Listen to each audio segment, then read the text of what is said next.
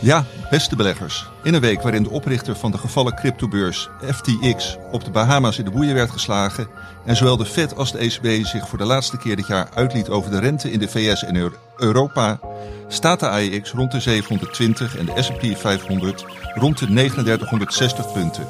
Tijd om te praten over beleggen. Dit is voorkennis. There are three ways to make a living in this business. Be first, be smarter, or cheat. I don't cheat. Beleggersbelangen presenteert voor kennis. Ja, beste beleggers, leuk dat jullie weer luisteren. Ik ben uh, nog steeds Johan Brinkman, mag uh, weer de presentator zijn. Vandaag uh, te gast mijn collega Karel Merks. En de eerste externe gast van deze podcast ooit, Pim Verlaan. Bij het beleggende pu publiek zeker zo bekend is Pim als Karel. Maar toch geef ik hem graag de gelegenheid zich even aan u voor te stellen. Pim, wat kun je over jezelf vertellen en over de manier waarop jij de laatste jaren met beleggen bent bezig geweest? Uh, ja, dankjewel uh, Johan. Uh, ik ben denk ik hier de minste doorgewinterde belegger in dit gebouw. ik ben eigenlijk begonnen met beleggen in 2020. En dat is eigenlijk, is de aanleiding daarvan is eigenlijk dat ik in 2019 mijn bedrijf heb verkocht. toen ik de gelegenheid heb gehad om op sabbatical te gaan, beleggingsboeken ben gaan lezen. En toen ben ik eigenlijk een beetje geraakt door het beleggingsvirus en erachter gekomen dat het nog best wel uitdagend was om naast boeken te leren beleggen. En ja, dat is eigenlijk, toen is eigenlijk een beetje het idee ontstaan om een podcast te beginnen en iedereen om me heen ook te leren beleggen. En dat is eigenlijk jong belegger geworden. En ja, dat doe ik nu eigenlijk bijna drie jaar. dus en ik beleg eigenlijk ongeveer ook zo lang. Ja, en je zegt heel bescheiden, dat is jong belegger geworden. Maar ja, dat is wel enorm succesvol, mag je toch wel zeggen? ja, je kan wel vanuit een de podcastluisters wel van een uh, succes spreken. Ook wel een beetje geluk met, uh, denk ik, met uh, de coronatijd. Dat iedereen podcast ging luisteren en wilde beleggen. Dus je moet natuurlijk een beetje geluk hebben met de timing. En uh, ja, we zijn ondertussen 130 afleveringen ver. En we zijn begonnen met wat is een aandeel, wat is dividend en wat is een obligatie. Maar uh, ondertussen zijn we aanbeland bij uh, de psychologie van een belegger. Wat is volatiliteit? high frequency trading, beleggingsstrategieën. Dus we gaan nu echt, nu echt de diepte in. Dus, ja. ja. En wat ik me dan afvraag, hè, want je hebt inderdaad met een mooie timing kunnen profiteren van de, de hype van de laatste jaren. Uh, maar zie jij die hype nu ook minder worden? Zie je dat bijvoorbeeld aan het aantal uh, luisteraars wat je hebt? Ja, we, we, stagneren wel een beetje, dus uh, de groei is er wel uit. Dus we zitten nu ongeveer, ja, denk ik al het hele jaar ongeveer op evenveel luisteraars. Ja. dus je merkt wel dat de meeste, ja, de echte toevoer van nieuwe mensen, dat is wel een beetje gestopt. Ja. maar ja, dat kon denk ik ook bijna niet anders, omdat we zoveel luisteraars hebben gehad. Ja. Dus, en ja, ik denk dat ook de heel veel luisteraars die zijn op, uh, die zijn gewoon na tien afleveringen gestopt. Omdat we de eerste tien afleveringen hebben het vooral over beleggen en vooral over dus de basis van beleggen en over ETF beleggen. En ik merk omheen dat bijna alle jongeren, of de groot gedeelte van de jongeren, gewoon elke maand in een ETF belegt. En ja, ja dan is het ook niet echt nodig om uh, verder te luisteren. Nee. En uh, wat is jouw, jouw eigen persoonlijke beleggingsfilosofie, Pim? Ja, die is dus door de jaren heen regelmatig veranderd en eigenlijk nog steeds niet, ja, nog niet helemaal scherp. Uh, ik heb mezelf eigenlijk vijf jaar gegeven om uh, ja, allerlei verschillende beleggingsstrategieën te proberen. En te kijken waar voel ik me nou het meest comfortabel bij. Waar is nou een beetje my edge? En daardoor moet ik natuurlijk ook meerdere economische omstandigheden meemaken. Om ook te kunnen aanvoelen hoe reageer ik nou op met welke strategie, op welke situatie. En ik ben eigenlijk begonnen met dividendbeleggen. Nou, dat zie je natuurlijk wel bekend. Uh, dat langzaam een beetje losgelaten en uh, heb ik eigenlijk een soort van duale strategie van meer value en een gedeelte groei. En soms een beetje daartussen. En dat ben ik eigenlijk ja, al denk ik nu twee jaar aan het doen. En ik merk toch wel dat, dat, dat ik steeds meer neig naar risicomanagement, steeds meer naar value. Uh, dus het, ja, dat is een beetje de leercurve, denk ik ook van elke beginnende belegger. Ja, ja. Uh, ja, hoe langer je belegt, hoe meer risico een onderdeel wordt van je, van je overwegingen. En ja, dat merk ik bij mezelf ook. Het is gewoon een stukje psychologie en geduld. En, en risico is iets wat steeds meer doorcijpelt in mijn strategie. Ja. En dat doe ik eigenlijk volledig transparant. Dus iedereen kan mijn portefeuille ook inzien. En ik denk dat dat ook wel een beetje de kracht van de podcast is. Dat ja, als je dat luistert, dan is het volledig educatie. Dus alle afleveringen zijn gebaseerd op een onderwerp eh, om iets te leren. En daardoorheen verweven zit mijn reis en mijn beleggingsreis. Dus je kan ook heel, je ziet eigenlijk vooral mij heel veel fouten maken. En dat is uh, hartstikke leerzaam en, en ook dan goed. En ja, dat doen we hier zelf ook om ja, over je eigen fouten te praten. Want daar leren beleggers toch het meest van. Uh, ja, dankjewel uh, Pim uh, voor je korte introductie. En ik denk voor uw luisteraar dat het duidelijk is waarom we Pim hebben gevraagd als nogmaals eerste externe gast van deze podcast. Willen we overigens volgend jaar vaker gaan doen externe mensen uitnodigen, maar daarover later meer. Ik ga nu de drie hoofdonderwerpen aankondigen. op de eerste plaats kunstmatige intelligentie, dan stock-based compensation en als laatste olieaandelen. Maar uh, nou ja, traditiegetrouw begin ik eerst met uh, terugblikken op de afgelopen week. En wil ik het eerst uh, het woord geven aan Karel. Karel, wat is jou opgevallen? nou ja, eigenlijk maar één ding. En dat is inflatie en de vet.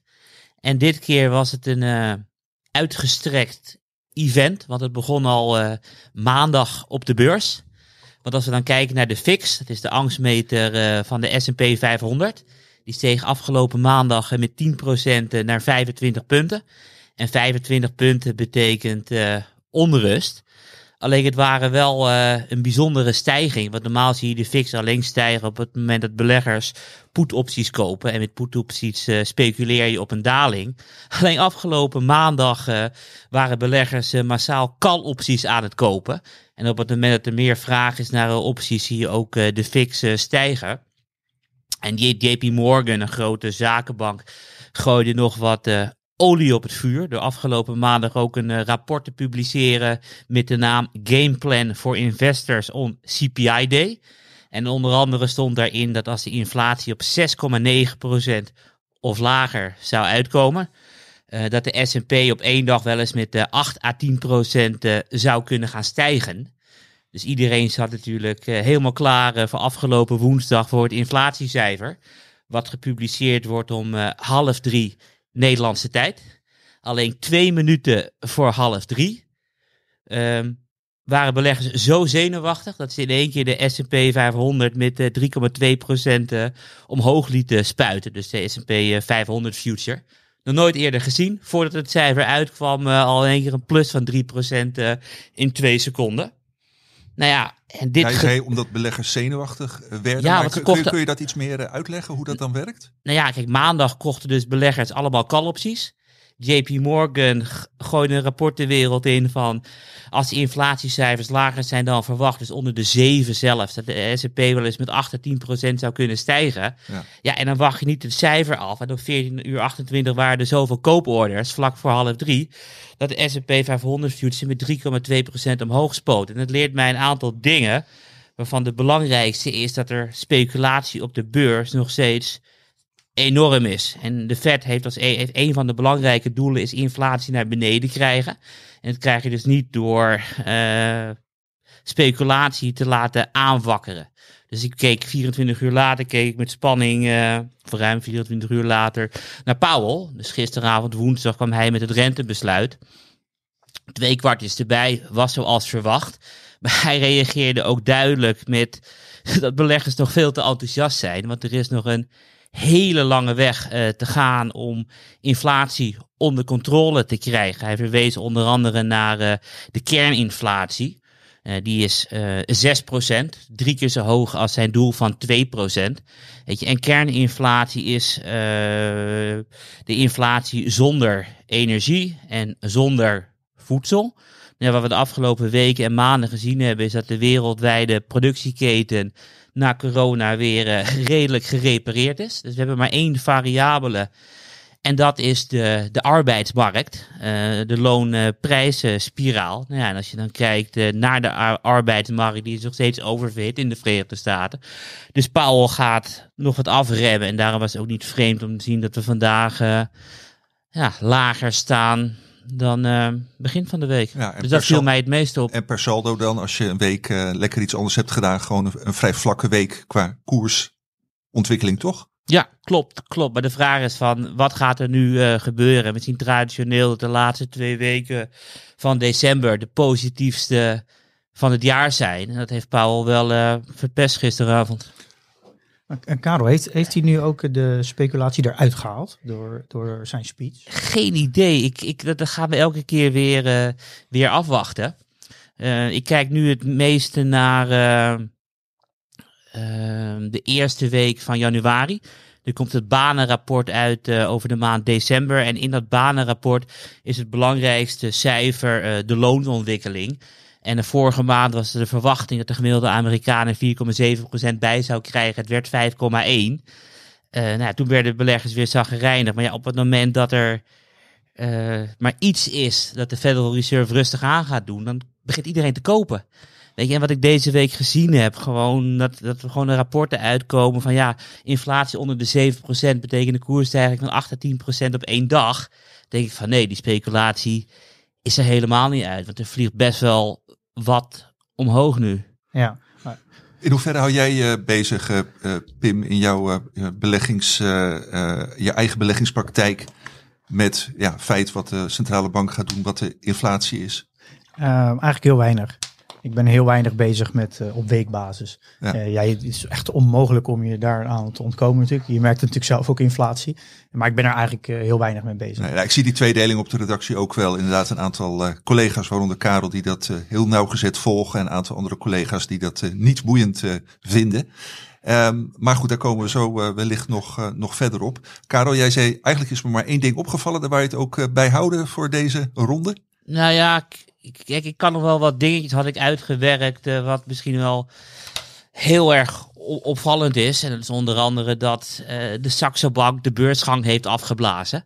En dat doen ze alleen maar omdat de particuliere beleggers uh, minder aan het handelen zijn dan dat ze eerder hadden gedacht. Want je wil alleen een beursgang op het moment dat alles booming is.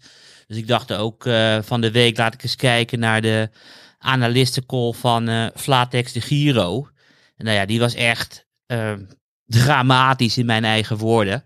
Want je ziet nu dat de handelsvolume weer terug zijn tot uh, in niveau van, uh, van 2019. In de afgelopen drie jaar is Flatex Giro echt enorm gegroeid in het aantal klanten. Dus dit betekent dat de particuliere beleggers heel veel minder doen dan eerst. Weet je? En particuliere beleggers zijn heel erg opvallend in dingen die ze doen. Maar er zijn perioden dat ze heel erg enthousiast zijn en dat iedereen wil beleggen en iedereen dingen doen. Denk aan het jaar 2000, denk aan de coronatijd. En soms trekken ze zich gewoon voor tien jaar terug. Dus uh, dat vond ik heel erg opvallend. Dat misschien de, er minder particuliere beleggers zijn dan eerst. Want ze gewoon gestopt zijn met, met beleggen. Ja, Weet je, en als mensen naar Pim zouden luisteren en gewoon maandelijks een ETFje zouden kopen Weet je, dan is dit fantastisch. Want je kan tegen lagere koersen kan je inleggen. Maar als je nu stopt, omdat je bijvoorbeeld plug power had, wat nu min 80, min 90 procent is, dan heb je er geen zin meer in. En dat snap ik ook wel. Precies, en dit is uh, wat je inderdaad door de decennia heen ook, uh, ook ziet bij, uh, bij beleggingshypes. Weet je, en ik bedoel, vaak. Kijk, het voordeel van een jaar als 2022 is dat het toekomstige rendement op bijna alles gestegen is. Ja, want dat wil ik ook uh, zeggen. Het is inderdaad, uh, vaak zijn dit soort momenten de momenten om, uh, om wel in te stappen als de massa wegloopt. Klopt. Pim, wat is jou afgelopen week het meest opgevallen? Um, ja, dat is niet volledig belegger gerelateerd, maar dat is voor mij wel echt chat GPT. Ja. Uh, ik weet niet of jullie dat uh, ook hebben meegekregen. Maar ja, in... wij, wij, hebben het meegekregen, maar leg het even uit voor de luisteraar wat dat is. Ja, nou in mijn bubbel is dit soort van ontploft. En ik zie niks anders meer dan, dan maar dit. Sowieso is het ontploft. Want ik zag een staartje op Twitter voorbij komen dat ze binnen vijf dagen een miljoen gebruikers had afgezet tegen andere nieuwe ja, platforms, projecten. Hoe lang zij erover deden voor een eerste miljoen. En we hebben er nooit zo snel zoiets zo snel zien groeien. Dus nee. ik bedoel, je okay, maar, het... maar, laten we Pim eerst even laten uitleggen in uh, gewone mensentaal wat uh, dit platform uh, inhoudt. Ja, nou um, eigenlijk de, de chat GPT, dat is een onderdeel van OpenAI. En dat is eigenlijk een, je kan het zien als een soort van chat, maar dan, een, dan chat je eigenlijk tegen een AI. En die kan je, iets, die kan je alles laten doen eigenlijk in, in tekstvormen. En wat dit zo uniek maakt, is dat we nu langzaam op een punt gaan dat het echt gesprekken met jou kan voeren en ook kan cre cre uh, ja, creatief is en kan reproduceren. Dus het is normaal was het eigenlijk eerst zo dat je gaf AI wat en dan kreeg je een, je gaf een prompt. Dus je, ja, je hebt het over AI, dat bedoel je het uh, in Nederlandse kun, uh, oh, ja, sorry. kunstmatige intelligentie. Ja, kunstmatige ja, intelligentie. En het interessante nu aan is dat ze het op een, dat ze dan ja, uh, OpenAI, dat is dan een, de non-profit, die heeft het nu zo vormgegeven qua gebruiksvriendelijkheid, dat eigenlijk elke, ja, zeg gewoon even simpele burger, uh, nu toegang heeft tot en maar kan spelen met kunstmatige intelligentie. En dat maakt ook dat het zo viraal is gegaan. Het is uh, vormgegeven als een chat. Nou, iedereen kent natuurlijk een chat, want we hebben allemaal WhatsApp. En eigenlijk op die manier werkt het ook. Uh, dus het is heel erg, ja, heel erg intuïtief. En je kan er eigenlijk alles mee doen. Je kan, je kan hem aangeven, geef me, ga een opstel schrijven in de stijl van Mark Rutte. En dan kan je, zijn, kan je bijvoorbeeld de, de Twitter-handle van Mark Rutte geven. Dan gaat hij die stijl, gaat hij lezen hoe je het klimaatprobleem gaat oplossen. En dan kan je zeggen, nou, ik wil alinea 4 vind ik niet goed, wil je die herschrijven? Of wil je hem iets zakelijker schrijven? Herschrijft hij hem gewoon. Of je zegt, geef me dan een opstel van iemand die tegen, een soort van tegenargument tegen dit opstel. Nou, het is echt bizar goed. Uh, en misschien wel mooi om anekdotisch. Wij hadden oppas uh, vorige week. En uh, een meisje moest voor, voor haar opdracht voor school moest ze een essay schrijven over is het beter voor jongen om op, op te groeien met jonge ouders of oudere ouders. En zij gaf eigenlijk haar soort van haar concept aan mij. Ik ben dat gezegd aan het chat GDP gaan geven en kwam, kwam gewoon een complete essay uit. En het was zo goed dat zij zei, ja, dit is gewoon goed genoeg om voor mij om in te leveren. Dus huiswerk is echt overbodig. Alle opleidingen, zoals universitaire opleiding, waar je essays en opstels moet schrijven, dat is echt verleden tijd nu. Je kan de meest gekke dingen mee doen. Je kan hem. Maar een waarschuwing is als je ermee gaat spelen, pas wel even op. Want ik dacht dus, ik ga er eventjes een half uurtje naar kijken. Ik ben echt uren bezig ja, geweest, uren. En ik was helemaal ja. wat er allemaal uitkwam. Het houdt niet op. Maar je kan ook eens hele complexe papers hem geven en zeggen, maak hier een, een, een samenvatting van. En dan komt hij natuurlijk ook in een ook complexe samenvatting. En dan kan je erbij zeggen, leg het me nu uit alsof ik vijf jaar ben. En dan maakt het gewoon een hele, legt het in simpele taal uit. Maar het kan ook, uh, je kan ook input geven als, leg me uit hoe een verbrandingsmotor werkt in de stijl van M&M. En dan krijg je een soort van raptekst hoe een, een verbrandingsmotor werkt. Je kan er alles mee doen. De, je, de limitaties is je eigen creativiteit, maar ja. ook juridische contracten wat, wat ik me dus maar, maar, als, ik heel, als ik heel even mag uh, ja. inbreken, heer. Ik, ik zag in jullie uh, mailwisselingen ter voorbereiding uh, van deze podcast het Pokémon Go moment voor kunstmatige intelligentie zo'n moment was echt afgelopen week wat jullie betreft. Nou, dit is voor mij het kantelpunt dat nu uh, de massa kennis gaat maken met uh, AI. Ja, nou dat vind ik een uh, mooie punt om door te gaan naar het eerste hoofdonderwerp. Want dat, dat gaat hier namelijk over. Maar ik laat eerst even een muziekje horen. Voor kennis. Ja, want we hebben het, het eerste hoofdonderwerp is dus kunstmatige intelligentie, maar uiteraard ook wat, uh, ja, hoe kun je daarin uh, beleggen? Hoe kun je daar als belegger profijt van hebben? Uh, Pim, jij hebt dit onderwerp aangedragen in die zin dat je aangaf dat dit van de week echt een heel bijzonder moment was. Um, ja, Kun je, kun je er als, als belegger in jouw ogen ook iets mee? Kun je erin beleggen in kunstmatige intelligentie? Kun je kunstmatige intelligentie gebruiken om een betere belegger te worden? Hoe, hoe kijk je daar ja, tegenaan? Dat is natuurlijk altijd heel interessant. Uh, vanuit, daarom is beleggen denk ik ook zo leuk, omdat je eigenlijk uh, veel, heel erg vooruit moet denken. En je loopt een beetje voor op de massa. En ik denk dat de vraag, eh, moet je hier wat mee? Altijd nooit echt de juiste vraag is. Ik denk dat je altijd de eerste vraag die je moet stellen bij nieuwe innovaties is vanuit risicomanagement. Is van, uh, ik moet eerst begrijpen wat is het? Uh, dus wat is kunstmatige intelligentie? Wat kan je er allemaal mee? En dan zou ik eigenlijk als eerste instantie kijken, ga door je portfolio heen. Welke bedrijven kunnen hier, uh, gaan hier last van hebben. Ik zou het ten eerste altijd vanuit risicomanagement, innovatie bekijken. En, want het is... Ja, en noem dan eens een paar voorbeelden, bijvoorbeeld uit je eigen portefeuille, waarvan je zegt van hé, hey, dat zijn aandelen die hier last van zouden kunnen krijgen. Um, nou, ik denk dat de, het, het hele leuke nu aan is dat de eerste vraag die, nou, die mij wel twintig keer werd gesteld, is gaat nu chat GDP Google vervangen? Eh, omdat je kan namelijk alles aan die chat vragen. En dat komt ook uit Google. En Google is in principe heel inefficiënt. Het kost tijd, weet je. moet elke keer moet je naar een website ja, toe. Dus, en hier krijg je meteen een antwoord waarvan ik denk van het is gespecificeerd. Ja, en je kan het doorchatten. Dus je kan, ja, ja. Je kan... kan je daar wat meer over vertellen? Kan je dat wat verder uitleggen? En ik denk, wow, ik was echt onder de indruk dat ik dat gratis kan gebruiken. Ik bedoel, waarom geef je dit gratis weg? Ja, nou, ga verder over jouw betogen. Ja, nou, het mooie is namelijk dat, dat er kwam toevallig ook de, deze week uh, naar buiten van uh, uh, er zijn Google werknemers die nu een meeting hebben aangevraagd aan, alle, aan het hele management. Waarom eh, OpenAI, dus van eh, ChatGPT, viral is gegaan. En hoe kan het zijn dat een bedrijf dat zoveel met AI doet, zoveel werknemers heeft, dat we dit gemist hebben?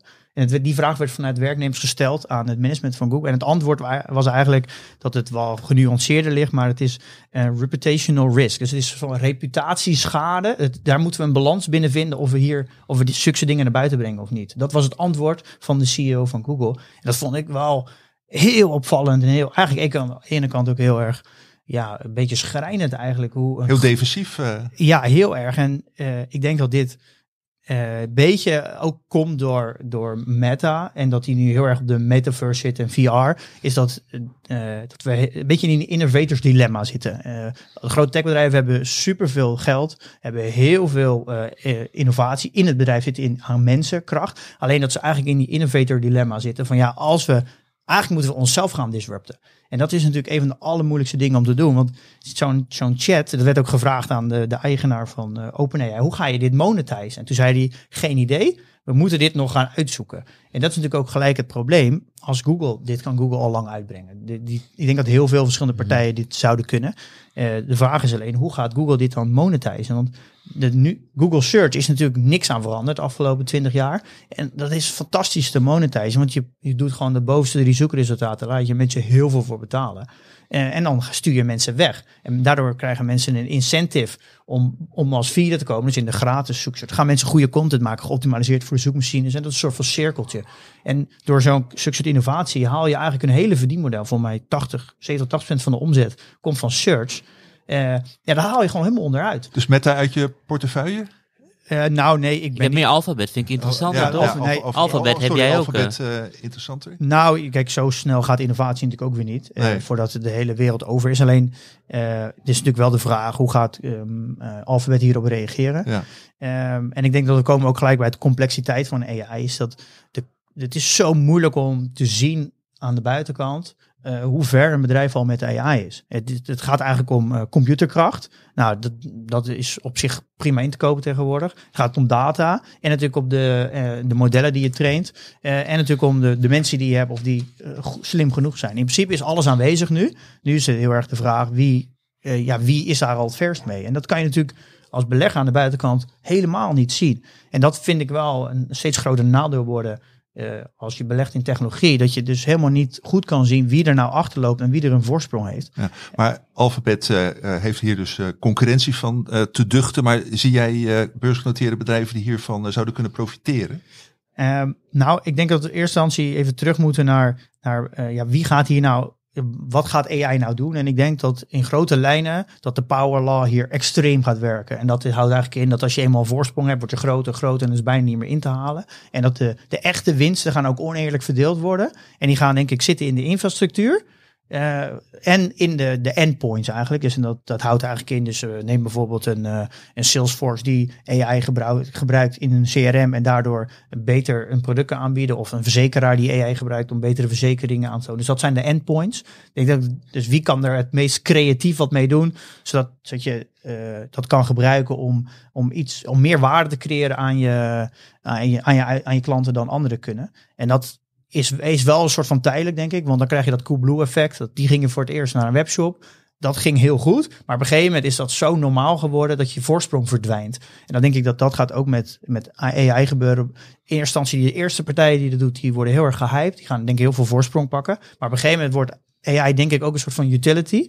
eh, voor heel veel endpoints. En dan is het een, ja, dat is net zoals of je in de cloud zit als je een webshop hebt. Dat, die, dat voordeel gaat gewoon verdwijnen. En ik denk dat de infrastructuur en de hardware, dat daar denk ik wel het meeste voordeel gaat zitten op lange termijn. Maar met hardware bedoel je dan partijen als eh, Nvidia? Nou, je hebt denk ik denk twee lagen. Je hebt de, har- de hardwaremakers en je hebt degene die de alle hardware bij elkaar brengt. En neem bijvoorbeeld een AWS.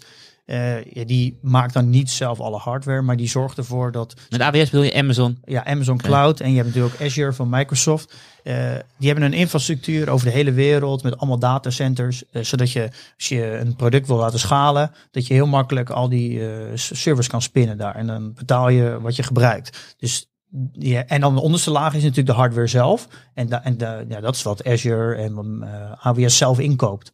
bij alle leveranciers zoals een, Nvidia. Maar ik denk dat uiteindelijk de grootste, de grootste winsten gaat zitten in, denk ik, de infrastructuur. En wie kan heel goed die datamodellen trainen. Eh, en ja, dat zijn alleen maar voor de grote partijen, denk ik. Ik denk dat het heel veel partijen uiteindelijk gaan leunen op, die, op de infrastructuur om daarin te pluggen. Een beetje pay-as-you-go eh, model, wat eigenlijk AWS ook is. Maar wij krijgen op de redactie eigenlijk al eh, ja, jaren af en toe vragen van hoe kan ik als belegger inspelen op, op kunstmatige intelligentie. En daar heb jij op dit moment ook nog niet het antwoord op. Of Nou, ik denk je- de meeste, eh, meeste innovaties moet je altijd nog even afwachten hoe dat gaat uitspelen. Er zullen heel veel pioniers zijn die. die eh, dit gebeurt ten eerste sowieso een beetje in de venture capital hoek. Dus het is een beetje voor de beurs, voor de IPO's. Daar speelt het zich nu heel erg af. Eh, en ja, er gaan altijd natuurlijk wat partijen naar de beurs als eerste, maar die zijn vaak nooit het meest interessant. Want de partijen die het beste zijn, die gaan natuurlijk het laatst naar de beurs. Ja, dus bijvoorbeeld Google is natuurlijk pas aan de beurs gegaan in 2004. En is volgens mij opgebouwd uit eh, de brokstukken na de crash van de internet eh, boom van eind jaren 90. Ja, ik denk dat je dus nu nog niet heel erg kan zeggen. Ik denk ook niet dat er echt AI-bedrijven zijn. Dat je zegt van ik ga in een bedrijf wat alleen maar AI doet. Want uiteindelijk is AI ja, een, een middel om iets te doen. Dus het is, eh, het is een, in- stukje infrastructuur. Het is net als je van ja, je kan ook niet beleggen in cloudbedrijven. Het zijn bedrijven die dan eh, gebaseerd zijn op of de voordeel van de cloud gebruiken. Dus ik denk dat je veel moet kijken naar bedrijven die het voordeel van AI gebruiken. Eh, ik denk wel één ding is dat dit gaat wel het hele landschap veranderen. En het gaat nu wel heel snel. En ik vraag me af in hoe snel de beleggingswereld mee kan lopen. Want er zijn een paar dingen die me heel erg opvallen. Is dat er in geen enkele ja, eigenlijk eh, kwartaal aandeelhoudersvergaderingen en eh eh, earnings calls eh, CTO's aanwezig zijn. Dat ver- verbaast mij dus enorm. Ja, ja, want we hadden vorige keer uh, was Stefan natuurlijk de gast eh, bij jouw podcast. Had Stefan erover dat bij medische en farmaciebedrijven af en toe gewoon hoofd eh, eh, medisch aanwezig is. En maar bijvoorbeeld bij een Just Eat Takeaway heb je niet hoofdtechnologie aanwezig.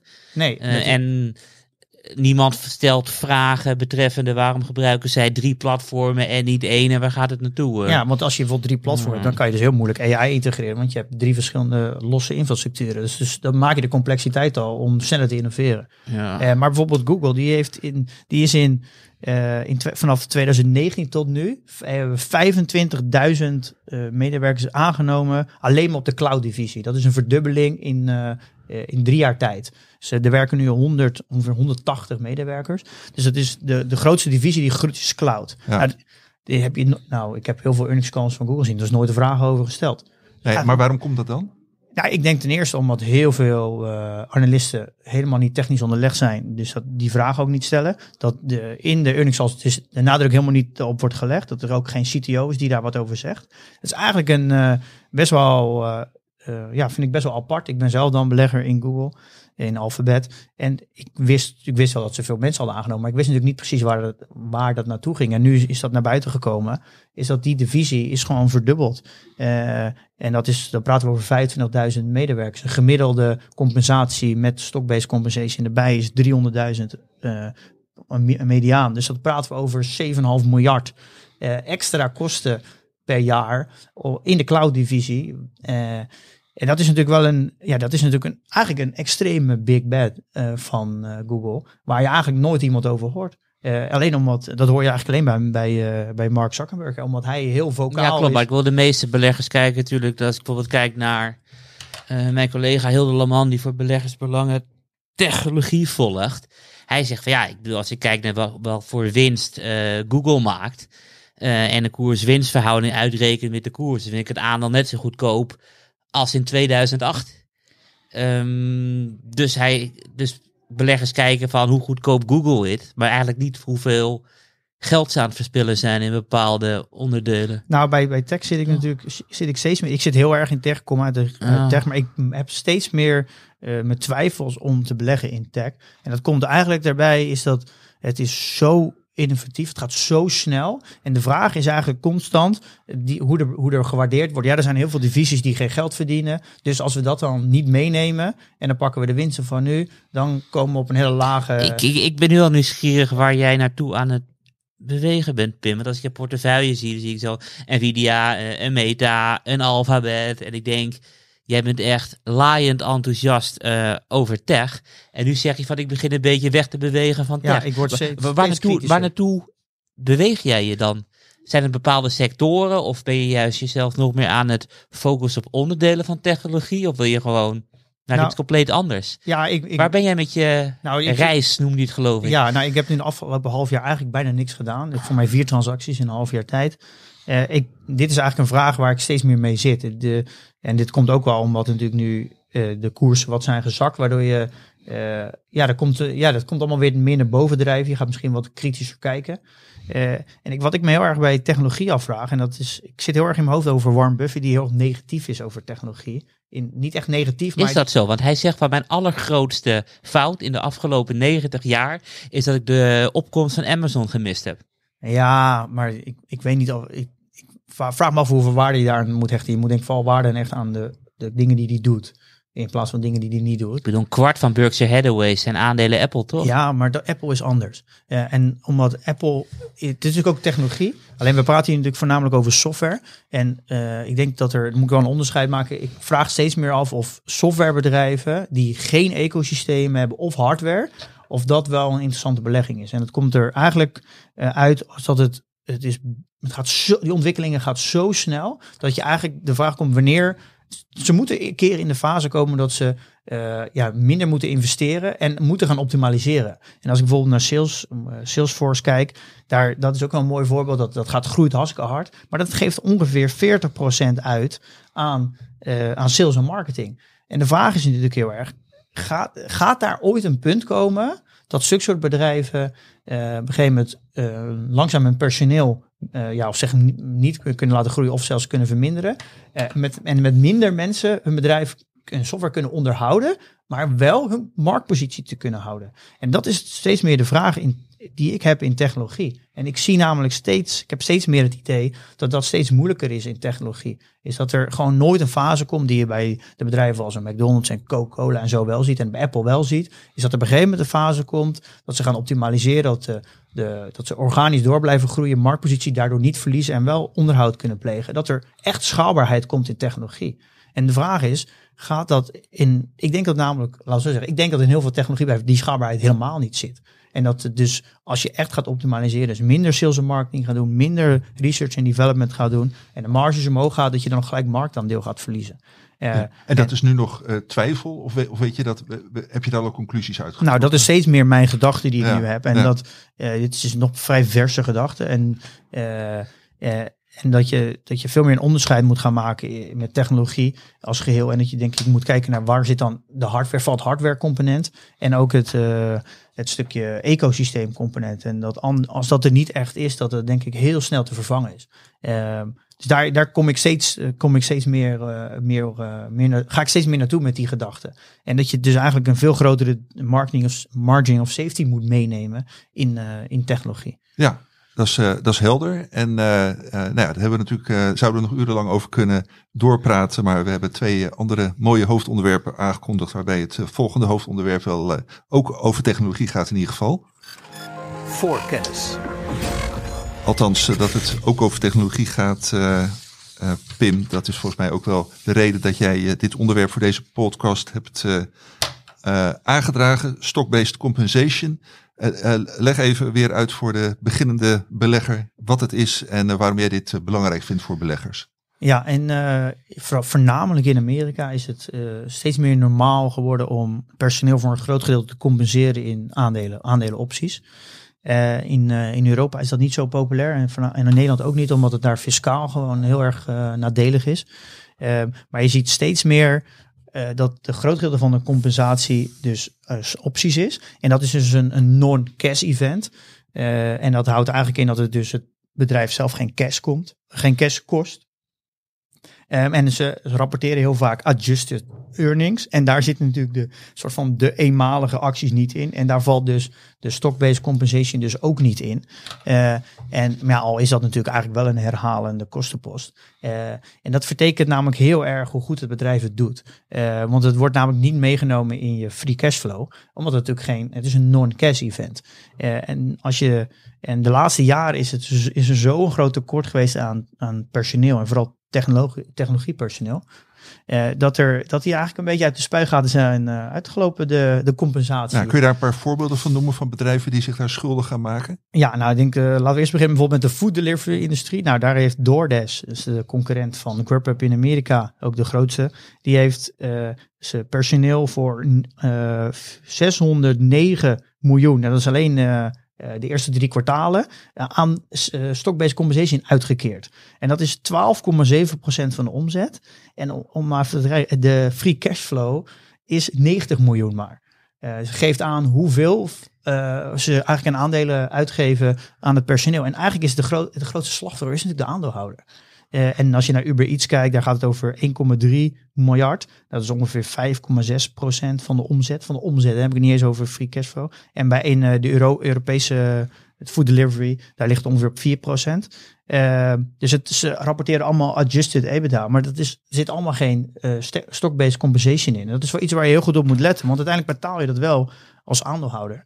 Eh, en Meta, eh, de eerste drie kwartalen, eh 13 miljard free cashflow, eh, maar 9 miljard stock-based compensation. Dat is, ja, dat is, dat is, dat is, waar praten we over? 70% van je free cashflow gaat gewoon aan compensatie naar je personeel.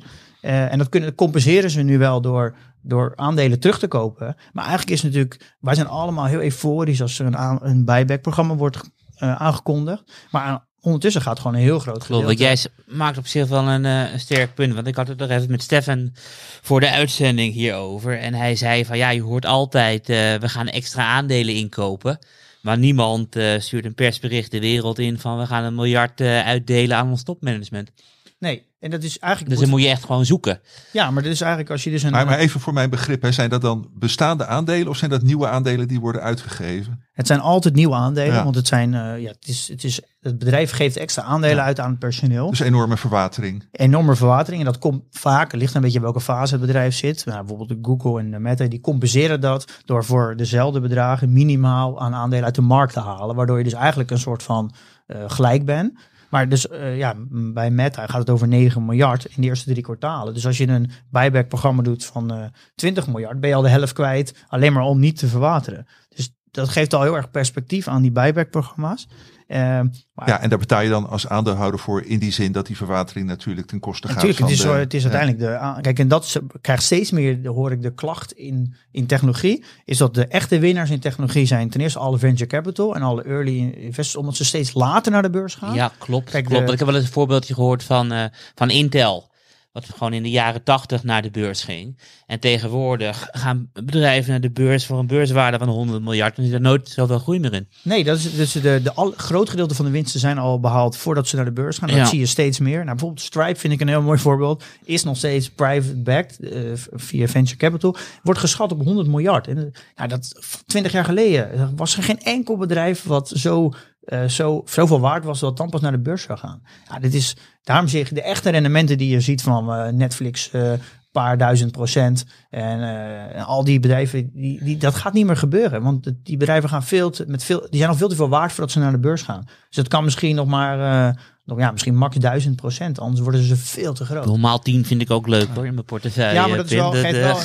wel een verandering. Nee, maar hoe kijk je er zelf tegenaan? Want ik bedoel, eh, want je hebt ook Meta zelf natuurlijk. Is het voor jou een reden om, om afscheid te nemen daarvan? Of wil je gewoon dat ze het aanpassen waardoor de bedrijfscijfers duidelijker worden? Nou, ik, daar ben ik dus nog niet helemaal over uit. Ik zit sowieso veel te zwaar, denk ik, in die hoek nu. Alleen, ik ondertussen wel geleerd dat je niet heel impulsief moet handelen. Dus ik ben sowieso een trage, misschien een snelle denken, een traag handelaar. Heel goed. Ehm, en ja, dit is denk ik niet de, de juiste tijd nu om nu heel veel te gaan zitten spelen in technologie, denk ik. Eh, dus dat zou ik dan liever voor een andere tijd bewaren. Maar ik ga, ik ga hier wel wat, wat langzaam wat veranderingen invoeren. En, en heb je ook het idee dat bedrijven af willen van deze compensatiestructuur? nou, eh, Of denk je dat de markt aan het kenteren is? Ja, nou, het grappige is dat er dus een brief is gekomen van, een- nou, en dit gaat sowieso veel vaker komen, en van een eh, grote eh, belegger in, eh, in Alphabet. En dat is een belegger die eh, heeft 6 miljard. En die heeft Kennen aangegeven... wij van ABN AMRO, hè? de Children Investment Fund. eh. Sorry? Toch van het Children Investment Ja, Fund? was een van de belagers van ABN AMRO in Oh, eh, oké, oké. 2008. Ja. Oh ja, dat de- Ja, is 2007, een bekend, 2008, eh, ja. Nou, die heeft, Ze zijn er nog steeds. ja, ja, die heeft een brief gestuurd. Nou ja, zoals zo vaak doet als de koers naar beneden gaat. En dat zijn dan weer van die ja, dingen die je altijd hoort. Zoals eh, je moet meer aandelen terugkopen. Je moet op kosten snijden. En je moet alle niet, niet winstgevende projecten moet je stoppen. Nou, dat zegt ze, die, die conclusie kan je bij elke brief zetten. Of het nou naar eh, Just Eat gaat. Of naar Meta. Of naar eh, Alphabet. Al die brieven zijn altijd hetzelfde. Eh, Ja, en in eh, niet mis te verstaande bewoordingen. Hè? Er zit geen Spaans bij, eh, zeg maar. eh. nee, er gaat ook onder nee. van, we, we verwachten ook wel heel snel een reactie in een plan. Maar die, maar bij die Maar- eerste zin vond ik geweldig. Van beste management. eh, wij zijn aandeelhouder voor zoveel miljard. Omdat we jullie bedrijf fantastisch vinden. En daarna gaat het helemaal Ja. los. eh. En het, het, het grappige ook is dat, is dat er ook een quote in staat. Dat ze zeggen, ja, het is een, eh, een, eh, een heel slecht gewaar, eh, bewaard geheim in Silicon Valley. Dat, dat bedrijven zoals Google, Meta, Twitter en Google eigenlijk met veel minder mensen gerund moet kunnen worden. Nou, nu wordt, is Elon Musk eigenaar van Twitter. Die ontslaat 75% van het personeel. En traffic is door het dak heen, hoorde eh, ik. het- tot nu toe, ja, het is een beetje vroeg om conclusies te trekken, Ja. gaat het vrij goed. En ik denk dat die vraag nu, die hoor ik heel veel omheen. Is technologie nou echt zo schaalbaar als iedereen zegt? En ik denk dat er nu een tijd gaat komen dat de grote technologiebedrijven zich moeten gaan bewijzen dat ze echt schaalbaar zijn.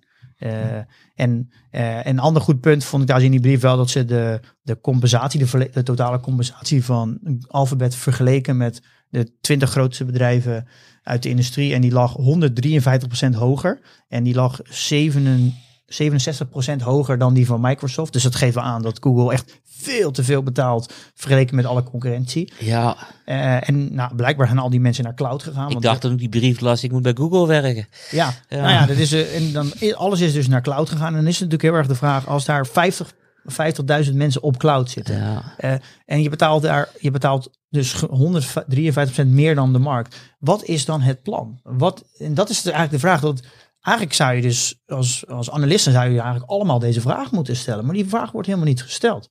Dat is eigenlijk, ik vind dat heel moeilijk te begrijpen. Dat er, dat er in, bij, in, vooral in, bij de technologiebedrijven gewoon heel veel verkeerde vragen worden gesteld. En ik denk dat het ook wel komt omdat het jaren goed is gegaan. Dus het is niet, dan is het niet belangrijk om kritisch te zijn. Maar ik denk wel dat er de komende tijd een hoop gaat veranderen. We zullen sowieso die show notes, eh, of de, de brief in de show notes zetten. Want voor de luisteraars kan ik het ook wel aanraden om hem te lezen. Maar mijn vraag is, hoe ben je bij deze brief uitgekomen?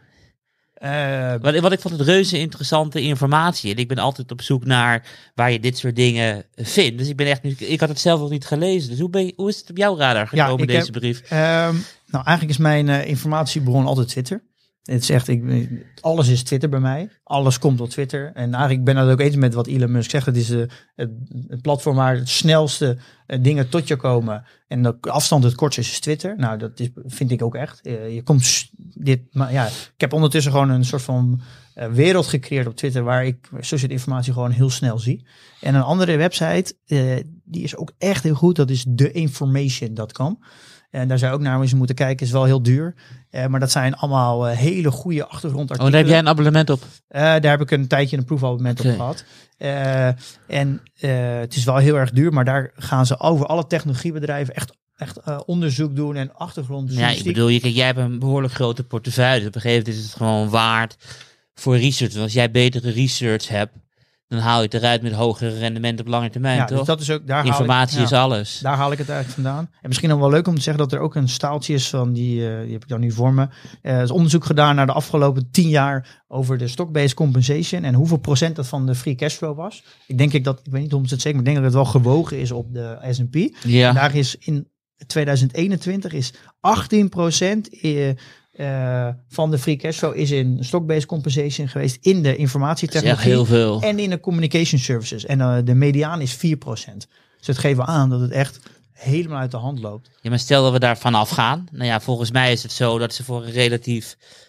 Ja, je wilt toch meer salaris ontvangen op het moment dat jij geen aandelen meer krijgt. Dus gaat het niet voor een enorme salarissprong zorgen dan? Ja, ik weet niet wat er gaat gebeuren. Want ik lees dus nu ook heel veel op Twitter dat er dus nu ingenieurs zijn in Silicon Valley. Die dus ook gewoon belegger worden tijdens sollicitatiegesprekken. Omdat ze zo'n groot gedeelte in stock-based compensation krijgen. Gaan ze kijken van ja, maar jouw vorige waardering die je hebt opgehaald uh, in, de vol, in de vorige venture capital ronde. Ja. Die vind ik eigenlijk zo overdreven hoog. De kans dat er de komende jaren een correctie gaat komen in die waardering. Mm. eh, die is aanzienlijk. En daardoor wil ik eigenlijk eh, meer gecompenseerd worden in salaris. Want ik heb minder vertrouwen in jullie waardering. Dus, Ja. dus so- tijdens de sollicitatie gaan mensen die zoals Al meer salaris eisen. Ja, dan die krijg je dus, eh, ja.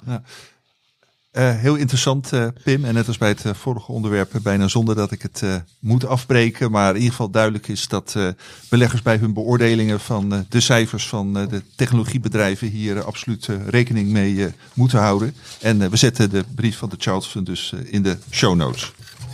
voor kennis. En dan something completely different. Hoewel ook hele, hele grote bedrijven, dat is eh, de, eh, eh, de, de vergelijking. De oliemajors. Karel, daar heb jij van de week een, een, kort, maar zeer krachtig artikel over geschreven. Klopt. In beleggersbelangen. Wat kun jij daarover zeggen? Nou ja, ik heb mijn mening veranderd. Ik bedoel, de afgelopen twee jaar was ik echt een enorme olieboel. Heb ik altijd de aandelen op kopen laten staan. En sinds deze week is dat niet meer zo.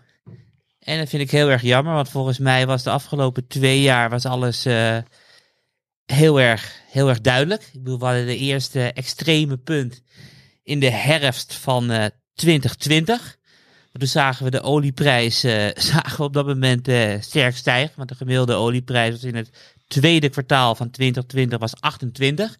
En in de herfst eh, steeg olie eh, boven de, de 40 uit. Dus er kwam gewoon bijna 50% bij. Ja, en kwam toch van eh, nul in maart 2020. Ja, Karel. officieel wel, maar dat mag je eigenlijk niet zo zeggen, omdat we de prijs van nul hebben wij maar één dag eh, gehad. En dat was omdat toen werkelijk niemand meer olie wilde, wilde ophalen. Dus we hebben één dag officieel min 38 gehad. Ehm, maar het tweede kwartaal was de gemiddelde prijs 28. En die ging dus boven de 40 plus 50 procent. Alleen je zag al die grote olieaandelen, zag je juist eh, aan het dalen. Omdat iedereen dacht van ja, olie is, is niet meer nodig. Maar ja, ik zag die olieprijs stijgen. Toen heb ik dus de laatste keer dat ik mijn mening veranderde was toen. Dus van negatief verkopen naar, eh, naar kopen. Ja, even die olie was niet meer nodig omdat we de pandemie hadden en we niet meer eh, van... eh, Nou ja, olie was niet meer nodig, omdat we natuurlijk richting een duurzame economie zou gaan met veel meer zonne-energie, veel meer windenergie, waar er ook heel erg veel geïnvesteerd werd. En, de, en die olieprijs liep op tot boven de 40. Nou ja, kijk, dat is het mooie van prijs. Als een prijs stijgt, betekent dus dat mensen er meer voor willen betalen dan eerst. En van 28 naar boven de 40 was een hoop. Kijk, en het sentiment was op dat moment op de beurs heel erg positief. Want de S&P 500 had inmiddels al eh, de problemen van de coronacrash eh, van zich afgeslagen. Want we zagen eh, dat in augustus al begon de rit van nieuwe all-time highs in de S&P 500. En olie ging naar beneden. Kijk, en het mooie van ehm, olie is, je kan heel duidelijk meten of er een, eh, een tekort is of een overschot in de oliemarkt. Kijk, en het heel makkelijk is als, er- als er een tekort is. Nee, laat ik even een stapje teruggaan. Bij olieprijs heb je eh, meerdere prijzen. Dus de olie die vandaag nodig is, koop je op de spotmarkt. De olie die je over vier maanden wil, koop je op de termijnmarkt. En je kan zelfs al olie over vijf jaar kopen. En die future curve die zegt wat over of er een tekort is, of er een overschot is in de oliemarkt. En er is een tekort wanneer de huidige olieprijs hoger ligt dan olie in de toekomst. Nou ja, maar stel een bedrijf heeft over vier maanden olie nodig. Nou ja, over vier maanden is goedkoper dan vandaag. Dan koop je het over vier maanden. Eh, en waardoor de prijs over vier maanden lager is dan, eh, dan vandaag. En ik wil even een, een voorbeeldje geven, waardoor het wel heel erg duidelijk is. In 2021 was tekort in de oliemarkt echt enorm. Want bedrijven konden ervoor voor kiezen om eh, eh, nu olie te kopen die eh 5 dollar hoger was dan olie leverbaar eh, over vier maanden. Alleen geen enkel bedrijf, of bijna geen enkele bedrijven, wilde die 5 euro korting krijgen. Want ze hadden echt, vandaag hadden zij, eh, zij olie nodig. En dit laat ook zien eh, hoe schaars olie was eh, in 2021. En voor de kijkers thuis, als ik even afgeleid ben. We hebben, vanavond hebben we kerstfeest. We zijn uh, achter Johan, zijn ze het disco-licht aan het testen. Dus we zijn een heel klein beetje afgeleid. Maar als je dan kijkt naar 2 december. Uh, nou, vandaag is het uh, halverwege december. Dat was de eerste keer dat olie met een levertijd van, van vier maanden goedkoper was dan onmiddellijke levering. Dus niemand wil meer op de spot uh, olie kopen. Iedereen wacht een uh, paar maanden. En dat betekent dat de olieschaarste voorbij is. En daarom heb ik gewoon alle koopadviezen van de aandelen die wij volgen. Chevron, Exxon, uh, BP, Total Energies en Shell van kopen gehouden. Ja, van kopen gehouden en voor alle duidelijkheid allemaal op houden gezet. Oh ja, helemaal duidelijk. Ik wilde ook nog wat uh, overlaten voor de betalende abonnees. Waar inderdaad ja. alles is naar, naar houden op dit moment. Karel, je bent slimmer dan ik, maar ik wou dat uh, even. Nee, in ieder geval de uitgebreide analyse op staat, de verkoop, verkoopknop staat knop in het gaat blad. drukken. Ja, nee, klopt. En, uh, maar, maar uh, dat heb je natuurlijk niet uh, zonder reden gedaan, nu ik het toch verklapt heb, Karel. Want jij vindt het wel gewoon, jij ziet ze niet crashen, die aandelen. Nee, klopt. Ik bedoel, je hebt een paar hele grote oliecrashes gehad. Eentje was 2008, 2009. We hadden wat in 2016 en nog een hele heftige begin 2020. Uh, alleen op dit moment is er tijdelijk heel veel aanbod vanuit de Amerikaanse overheid op de oliemarkt. Want zij zijn de strategische voorraden zijn ze nog steeds aan het verkopen. Dus het begin van dit jaar hadden wij ruim 600 miljoen vaten in de Verenigde Staten als strategische voorraden voor het geval er een natuurramp is. Of bijvoorbeeld een ander probleem in de Amerikaanse economie. Er zijn er al ruim 200 miljoen uh, zijn er op de markt gedumpt. En het is de verwachting dat dit, dit gaat stoppen. Dus er gaat een grote verkoper van olie uh, gaat binnenkort verdwijnen. Dus vandaar dat ik het niet naar verkopen gehouden heb. Ja. Alleen omdat dus de, de future curve voor het eerst in twee jaar niet meer in, uh, in backwardation is, maar in uh, contango. Wat laat dus zien dat er gewoon meer olie is dan vraag. En dan is de vervolgvraag waarschijnlijk waarom is er opeens zo weinig behoefte aan olie? En dat is omdat de, de wereldeconomie flink aan het afkoelen is. Ja, heb jij je olieaandelen in jouw uh, portefeuille, Pim? Uh, nee, die heb ik niet. Ik uh, kan me trouwens nog wel herinneren dat Karel eenmaal ja, van ja, bullish ging op, op olie. En dat kan me nog herinneren dat je dat in een andere podcast op Chevron toen was ingestapt. Ja, dat is wel klopt. leuk om dat te horen. bij het BNR ja. beleggerspanel. Dat ik zeg van ja, ik heb geen idee van Um, Chevron is het enige wat ik zie zitten voor 2022. Omdat gewoon de vet gaat op de rem trappen. Weet je, en als de vet op de rem trapt, dan, dan daalt de brede markt. Maar even voor de, voor de alle duidelijkheid. Ik bedoel, ik ben heel erg negatief. Maar ik zat toevallig bij jouw portefeuille te kijken. We hebben onze dezelfde core positie. Dus de, de MCI uh, Core World. Ja. Weet je, die heb ik ook gewoon aangehouden. Weet je, dus ik bedoel, want uh, we hebben al een, uh, een track record van 400 jaar dat aandelen met gemiddeld 7% per jaar stijgen in het Westen. Weet je, dus ik bedoel, dat risico wil ik ook niet lopen dat ik daar uitstap. Maar ik ga niet heel veel meer risico lopen dan dat. Uh. Ja. Dat even een zijnoot. Ik heb in 13, 13 oktober mijn aandelen Shell verkocht. En daar, die positie was best wel opgelopen. en die heb ik verdeeld over, toen over Adyen en en uh, Oktober, wanneer zei je? 13 oktober. Volgens mij was de low van de markt in oktober, toch? Ja, van die dat was- of niet? Ja, dat was die gekke dag. Dat, uh, ja, dat het- ik zit te denken, volgens mij hadden we een low. En in november zijn we vlak boven die low eh, geboden. Dus dat was gewoon het dieptepunt van het jaar. ja, dat is heel veel geluk. Ja, ik denk als jij het niet zegt, dan zeg ik het maar. Ik Eh, wil wel een fantastische nou, markttiming. Het was een hele gekke dag dat Ja. toen eh, ASML eh, helemaal naar beneden schoot. En onder de 400. Ja, ja, 380 zag Ja. ik. eh 380 eh, gebodemd. ik heb- eh, toen weer boven de 4 en... Ik heb hem toen op 3, eh 83 gekocht. Oh mijn god, dan mag je cv zetten. Ja, dat, nou ja, dat is een van de weinige goede timing hoor. Eh, Maar goed, je hebt dus geen olieaandelen meer in je portefeuille. Maar heb je in het algemeen wel eh, ja, een, een, eh, visie op die aandelen wanneer je ze wel en wanneer je ze niet moet hebben? Nou, nee, niet echt. Ik, ik, nou, zoals elke belegger begin je, een van, een van de eerste aandelen is Shell. Never Dat- shell shell. Ja, en dat heb ik Ah. dus ook gedaan. Eh, dus ik heb ook die, dat was in februari 2020. Nou, dus ik heb ook de 11 euro nog meegemaakt. En ik heb hem voor mij gekocht op 5, nou, wat was het toen, 22 of zo. En meegemaakt naar beneden naar 11. Toen heb ik ondertussen wel bijgekocht. En gewoon altijd gehouden. En eh, nu eh, heb ik het heb ik ze nou, dus in oktober verkocht. Eh, maar dit is wel, eh, dit is, ja, dit is een van de eerste aandelen die ik heb gekocht. Maar ik merk gewoon dat ik weinig verstand heb van die markt. Eh, en daar heb ik niet echt een voordeel. Dus ik, ja, ik heb ook niet het idee dat ik daar heel snel nog op terug ga komen. Nee. Oké, helder. Eh, en we gaan naar het laatste onderdeel. Voor kennis. Ehm, en eh, ja, uurtje is eh, voorbij gevlogen. Eh, en, eh, maar geef jullie de gelegenheid om eh, iets te noemen of een paar dingen te noemen waar jullie de komende week of voor de weken daarna naar vooruit kijken. Pim, mag je als eerst het woord geven? Ja, nou, ik heb niet eigenlijk heel erg iets specifiek waar ik naartoe uitkijk. Ik ben eigenlijk sowieso, ik zit sowieso niet zo kort eigenlijk op de bal. Wat ik wel de komende tijd ga doen, maar dat is meer voor mezelf, is dat ik me het jaar ga evalueren. Dus wat, ja, wat is afgelopen jaar me gebeurd? Wat heb ik geleerd? Eh, en wat ga ik anders doen? Dus ik, doe altijd een soort van reflectiemoment eh, om eh, wel ook ja, bewust dingen te leren.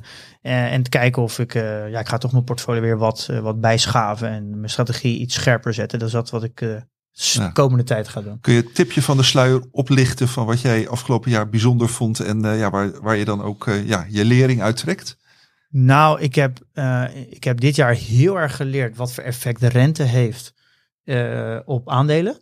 Eh, daar, daar, dat is me echt Iedereen, eh, Pim, want ik bedoel, de enige mensen die eh, dat in de markt hebben meegemaakt, zijn de mensen die 65 jaar of ouder zijn. Want ik bedoel, sinds 1980 is de rente alleen maar gedaald. Dus ik bedoel, je hebt hetzelfde meegemaakt van mensen die 40 jaar ouder zijn, die het ook nog nooit hadden Ja, meegemaakt. nou, dat is wel echt heel opvallend, vond ik. En Ja. ik vond ook heel erg opvallend hoe snel het sentiment kan omslaan.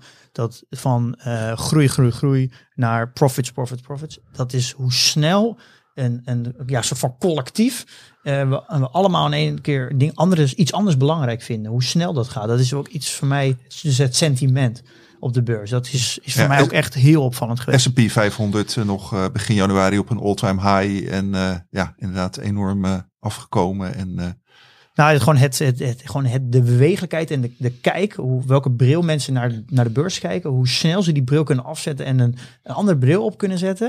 Dus eigenlijk bijna een soort van die... Wanneer ben jij begonnen in 2020? Welke maand? Februari. Heb je toch ook die corona-crash meegemaakt? Dus toch ook het sentiment op van een all-time high naar 30% in de maand erop? Ja, maar ik vond die nog wel... Wat was het verschil ik daartussen? vond die wel te verklaren, omdat... Ja, ik wist ook niet wat er gebeurde. Als je de tv aanzette, wist niemand het. Niemand wist wat er ging gebeuren. Het was een soort van algehele eh, kip zonder kop politiek. Eh, dus ja, dan wat ga je dan doen? Dan gaat iedereen natuurlijk volledig met zijn hak in de zand. Maar dat kan ik enigszins wel begrijpen, omdat het niemand echt weet wat er gaat gebeuren. Maar de situatie waar we nu in zitten, zo gek is het allemaal toch niet. Dus ja, zo, zo bijzonder is het allemaal toch niet. Het is gewoon nu echt een volledige wijziging van sentiment. Er is niet zo heel veel nieuwe informatie bijgekomen. Wat het sentiment heel erg geturnd heeft. Dat, dat valt mij vooral erg op. Dus het, eh, ik, ik vind het, het, het hele, het beleggen vind ik, eh, dat hele dat psychologische spelletje wat op de beurs en hoe manisch mensen zijn, dat vind ik echt iets, iets bijzonders. Iets wat ik van tevoren nooit had verwacht dat ik zou beginnen met beleggen. Dat het eigenlijk voor een groot gedeelte wordt bepaald door gewoon een emotionele toestand van mensen. Ja, dat klopt. Ik bedoel, eh, Newton zei al eh 300 jaar geleden dat hij de stand van de sterren of de beweging van de sterren kon berekenen. Maar niet de gekheid van de mens toen hij eh, meedeed eh, op de beurs voor het eerst. Dus- Ja. nou, maar in dat- ieder geval ja. een mooie eh, suggestie ook voor luisteraars om eh, daar eh, over na te denken. En eh, nou, benieuwd eh, naar je reflecties, eh, Pim. Eh, Karel, waar kijk jij eh, naar uit? Ja, ik kijk nog steeds elke dag als ik wakker word naar wat het verschil is tussen de 2 en de 10-jaarsrente, Johan. Ah, In de Verenigde Staten, want op dit moment zit twee jaar zit, eh, nou ja, 80 basispunten, dus 0,8 procentpunt boven de 10 jaar.